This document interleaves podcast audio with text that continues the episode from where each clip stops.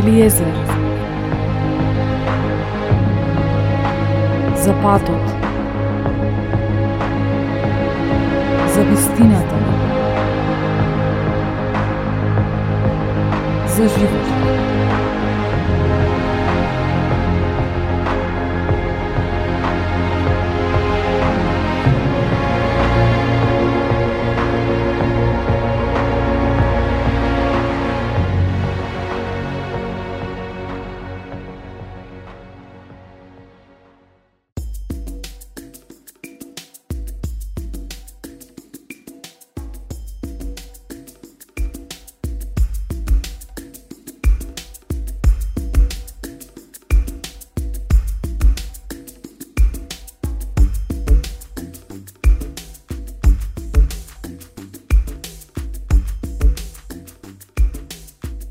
Здраво, драги мои, како сте?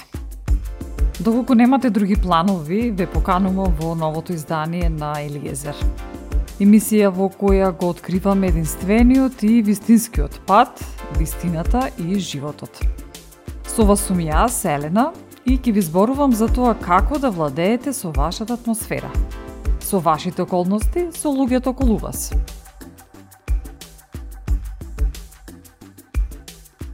Имате простор кој ви припаѓа само вам. Тоа се вашите емоции, вашето однесување, вашето време, луѓето со кои го поминувате времето, како го поминувате, тоа е вашата атмосфера. А над неа имате контрола. Причината зошто некои луѓе живеат загрижени, навредени, негативни, бидејќи оставиле се околу да навлезе длабоко внатре во себе. На пример, дозволуваат нечие однесување да влие на нивното расположение. Обрнуваат внимание само на негативни вести.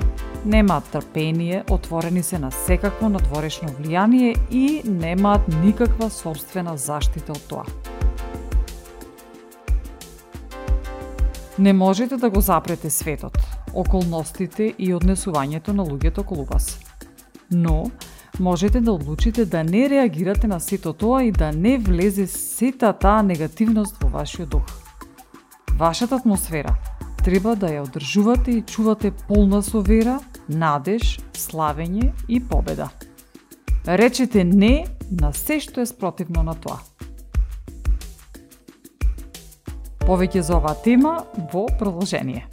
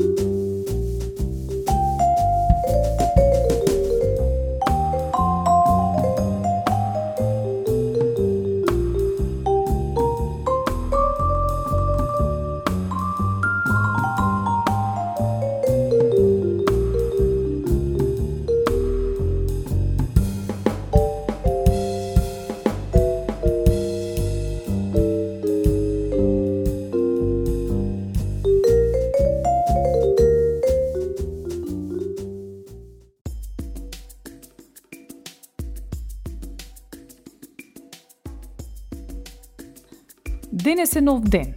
Се случува колегата, колешката или некој близок да ве навреди. Да не ви покани на забава, па ќе се навредите. Па ќе дојде гневот, горчината од причина што тоа што го направиле не било во ред.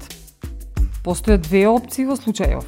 Или да живеете со горчина, гнев, нервоза и да дозволите денот да биде негативен. Или можете да одберете другата опција, и да им кажете на огорченоста, гневот, навредата, не благодарам. Одбирам да имам прекрасен ден, исполнет со радост, благодарност на Господ за подарениот ден и славење. Секогаш имате моќ и контрола над вашите мисли, однесувањето, како реагирате на ситуациите. Во Светото писмо во делот изреки пишува Оној кој не го контролира својот дух е како град со скршена ограда. И на вистина е така. Доколку не поставиме заштита околу нашиот град, нашата тврдина, ако не владееме со нашата атмосфера, ако не ставиме граници, тогаш секе може да влезе внатре. Доколку не му верувате на Господ Бог дека ќе ја реши ситуацијата, било тоа да е со вашето дете кое тргнало можеби на погрешен пат, или работата, бизнисот не оди според планираното, се дотека не верувате во Господ Бог дека тој ќе се грижи за се, дека тој единствениот извор на финанси, здравје, благосостојба. Ех, тогаш ќе имате проблем соочувајќи се само со ситуацијата.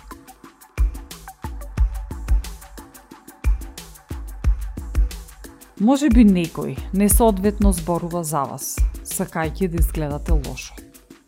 Наместо да оставите на Господ да го решава вашиот случај, вие ја пуштате навредата внатре во вас. Па живеете со таа навреда долго време и се обидувате да им докажете дека сте добро. Трошите драгоцено време на нешто што не е важно. Вас не ви треба нивното одобрение – Бог веќе ве одобрил со тоа што ве создал прекрасни. Така што, држете ги зидовите и оградата околу вас високо поставени. Не дозволувајте сето тоа да навлезе длабоко во вашиот дух. Вашето време е предрагоцено.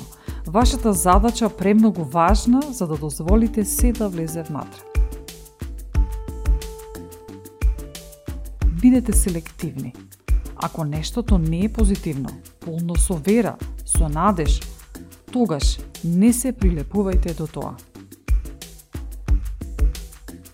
Светото писмо вели Господ ве направи за да видите кралеви, да успевате во животот. Негативните работи ќе дојдат, но треба да запомниме дека вие сте владетелот. Вие имате авторитет да одлучите што ќе пуштите внатре во вашата тврдина, во вашиот дом дали се уште ќе дозволам таа личност негативно да влие на мене? Дали таа ситуација постојано ќе ме влече надолу? Дали се уште ќе живеам со духот на оваа разделба? Дали ќе се самосожалувам? Се зависи од нас. Ние владееме со нашето кралство.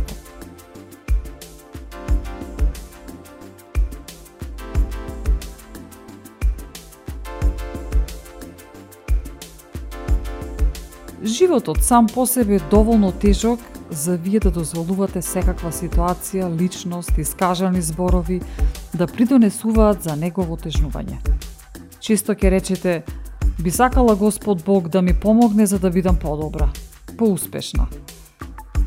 Констатацијата е дека Господ Бог веќе ве направил кралеви, го завршил неговиот дел, ви дал авторитет за да управувате со вашиот живот, ситуациите, да владеете. Може би не можете да контролирате се од околу, но сигурно можете да контролирате што ќе влезе во вашиот дух.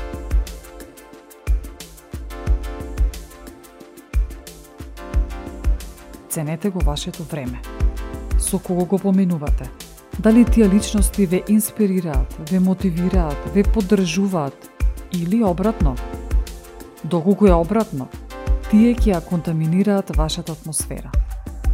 Знаете дека по одреден временски период ќе станете како нив, нели?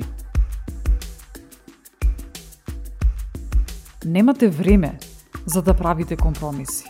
Да, на вистина, треба да ги мотивираме и да им помагаме на другите, но и вам ви треба некој кој ќе ве подигне и поддржува. Ако се дружите со љубоморни луѓе, и вие ќе станете љубоморни. Не заборавајте, духовите се преносливи.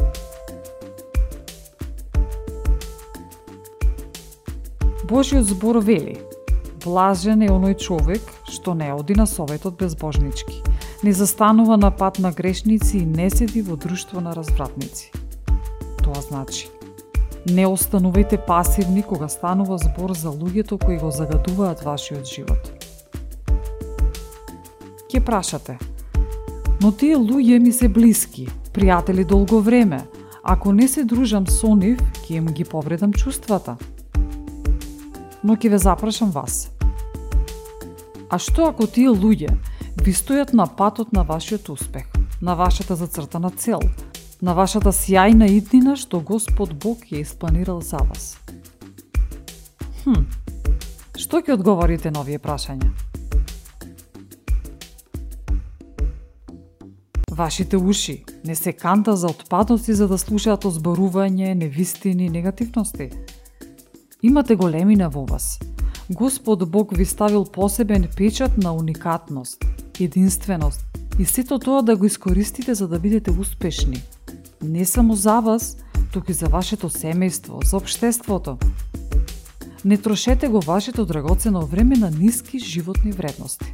Не ви треба тој отров Не ви треба некој да ви повторува дека не можете, дека ќе останете болни, дека сте без можности, дека нема да ги отргнете лошите навики и така натаму. Не бидете со луѓе кои не го препознаваат вашиот повик, кои не ја гледаат вашата големина, вашата вредност, не го ценат она што имате да го понудите. Ако ги тргнете погрешните луѓе, Господ Бог ќе ви ги прати вистинските луѓе кои ја гледаат вашата вредност и ќе ви помогнат да ја остварите вашата судбина.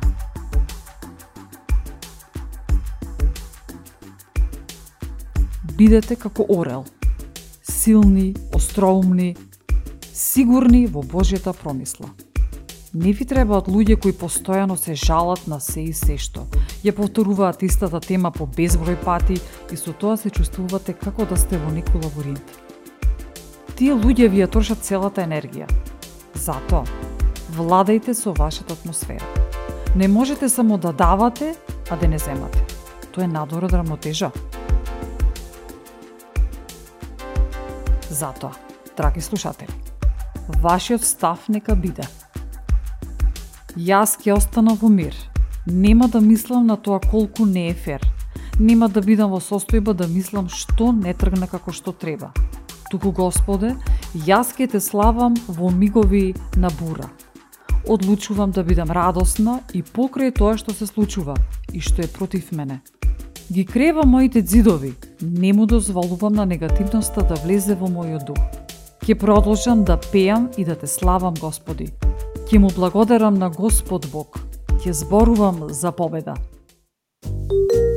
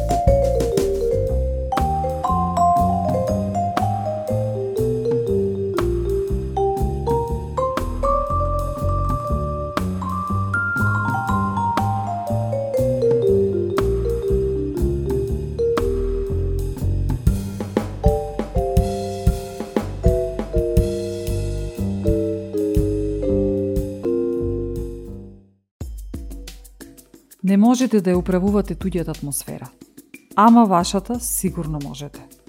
Божиот збор вели, држи го мирот остани мирен и Господ ќе ги води твоите борби. Еден псалм вели, Силата во тебе ја чувам, зашто си ти Боже мој застапник. Мојот Бог кој ме милува, оди пред мене. Бог мој, кој ми ги покажува моите непријатели. Ако останете во мир, Господ Бог ќе ви ги преземе сите ваши битки. Ќе ви надомести за изгубеното, ќе ви донесе убавина од таа пепел. Контролирајте го она што можете да го контролирате. Менувајте го вашиот пристап. Еден млад брачен пар, секогаш кога беше присутен на семените состаноци имаше проблеми. Имено, Сопругата секогаш беше измејувана од страна на роднина на незиниот сопруг. И тоа траеше. И секогаш по дружењето со семејството атмосферата била непријатна. Сопругата го замолила својот сопруг да преземе нешто во врска со тоа. Те молам, преземи нешто. Сепак тој е твој роднина. Она што го прави е несоодветно и веќе не се трпи. Таа очекуваше дека сопругот ќе рече Да, во право си, никој не смее така да се однесува спрема тебе. Сега ќе му покажам јас. Но сопругот одговорил Пинако. Те сакам, но не можам да го контролирам неговото однесување. Го има секој право да каже што мисли, но и ти имаш право да одбереш да не бидеш навредена. Тоа што сакаше да ја каже сопругот е дека Ти треба да ги кренеш твоите зидови и да поставиш ограда околу твојот дух. Не можеш да ги запреш нападите, но можеш да ги запреш да не влезат натре. Тој ден бил ден на откровение за неа. Неговиот роднина не се променил, туку таа се променила. Таа престана да ги пушта навредливите зборови во својот дух. Таа повеќе не дозволуваше нечи однесување да ја контаминира незината атмосфера Така – што не дозволувајте некој или нешто да ја контаминира вашата атмосфера. Ако го дозволите тоа, значи моќта ја предавате во нечии раце. А обично очекувате штом ќе се променат околностите, тогаш ќе бидете стрекни, спокојни, задоволни и слично.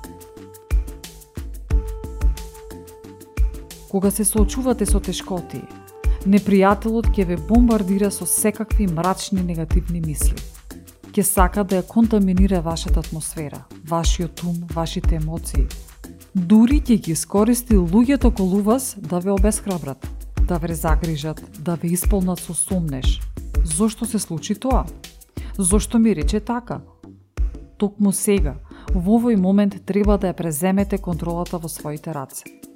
Не, јас нема да ги прифатам тие мисли, тие зборови, нема да паднам во стапицата на ѓаволот, нема да ги преживувам моите болки, нема да мислам на тоа што не успеа. Јас ќе останам да верувам. Знам дека Господ Бог е се уште на својот трон. Знам дека не ме донесе до тука за сега да ме остави. Знам дека непријателот немаше да се обидува да ме запре, доколку нема нешто во мене што е повеличествено, уникатно во мојата иднина ако го сработите, тоест контролирате вашиот дел, Господ Бог ќе го направи останатото, односно ќе го исполни својот дел.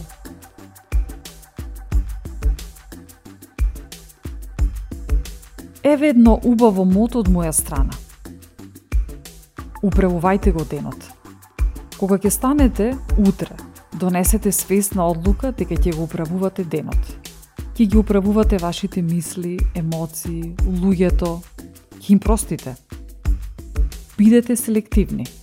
Одберете го она што го вели Господ Бог за вас, а тоа е радост, мир, спокој, благосостојба, просперитет, љубов, разбирање, вера, надеж. Држете се до таа одлука, цврсто. Уште рано наутро, пред да излезете од домот. И постојано, Подсетувајте се на истата кога има метеж во собраќајот, кога колегата или шефот ве погледнале или ви сугерирале несоодветно, кога доаѓаат грижи. Господ Бог ги управува вашите чекори. Верувајте му. За него ништо не е изненадување. Тој ви дал моќ да управувате. Да останете мирни и спокојни во турбулентни времења. Престанете да ги чекате совршените услови и околности. Можете да имате прекрасен ден за време на бура, било тоа да е во форма на предизвик, болест, кариера, финанси и така натаму. Изговорете го Божиот збор. Овој е денот што го создаде Господ. Ке живеам со вера, ќе го направам најдоброто, ќе бидам добра и правична со луѓето. Ќе го надминам злото со добро. Ако го направите ова, јас изјавувам дека не само што ќе уживате повеќе во вашиот живот, туку ќе видите повеќе од Божјата наклоност. Ќе ги води вашите битки, ќе се погрижи за тоа што ве запира. Изјавувам дека ќе бидете на високо, ќе ги надминете пречките и ќе бидете на повисоко ниво од вашата судбина. Во моќното име на Господ Исус Христос. Ако се согласувате и ако го примате овој благослов, речете амин.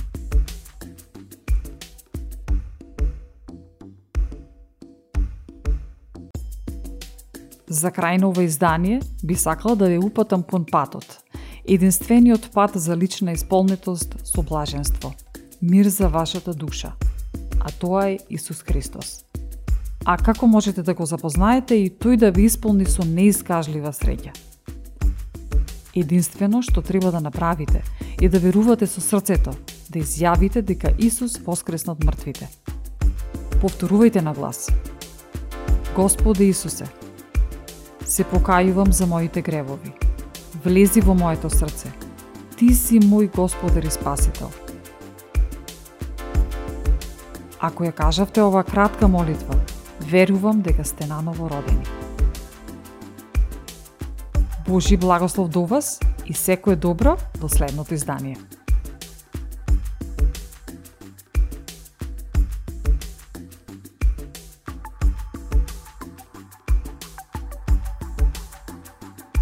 Ја следевте емисијата Елиезер со Елена Ѓуѓевска Костадиновиќ. Елиезер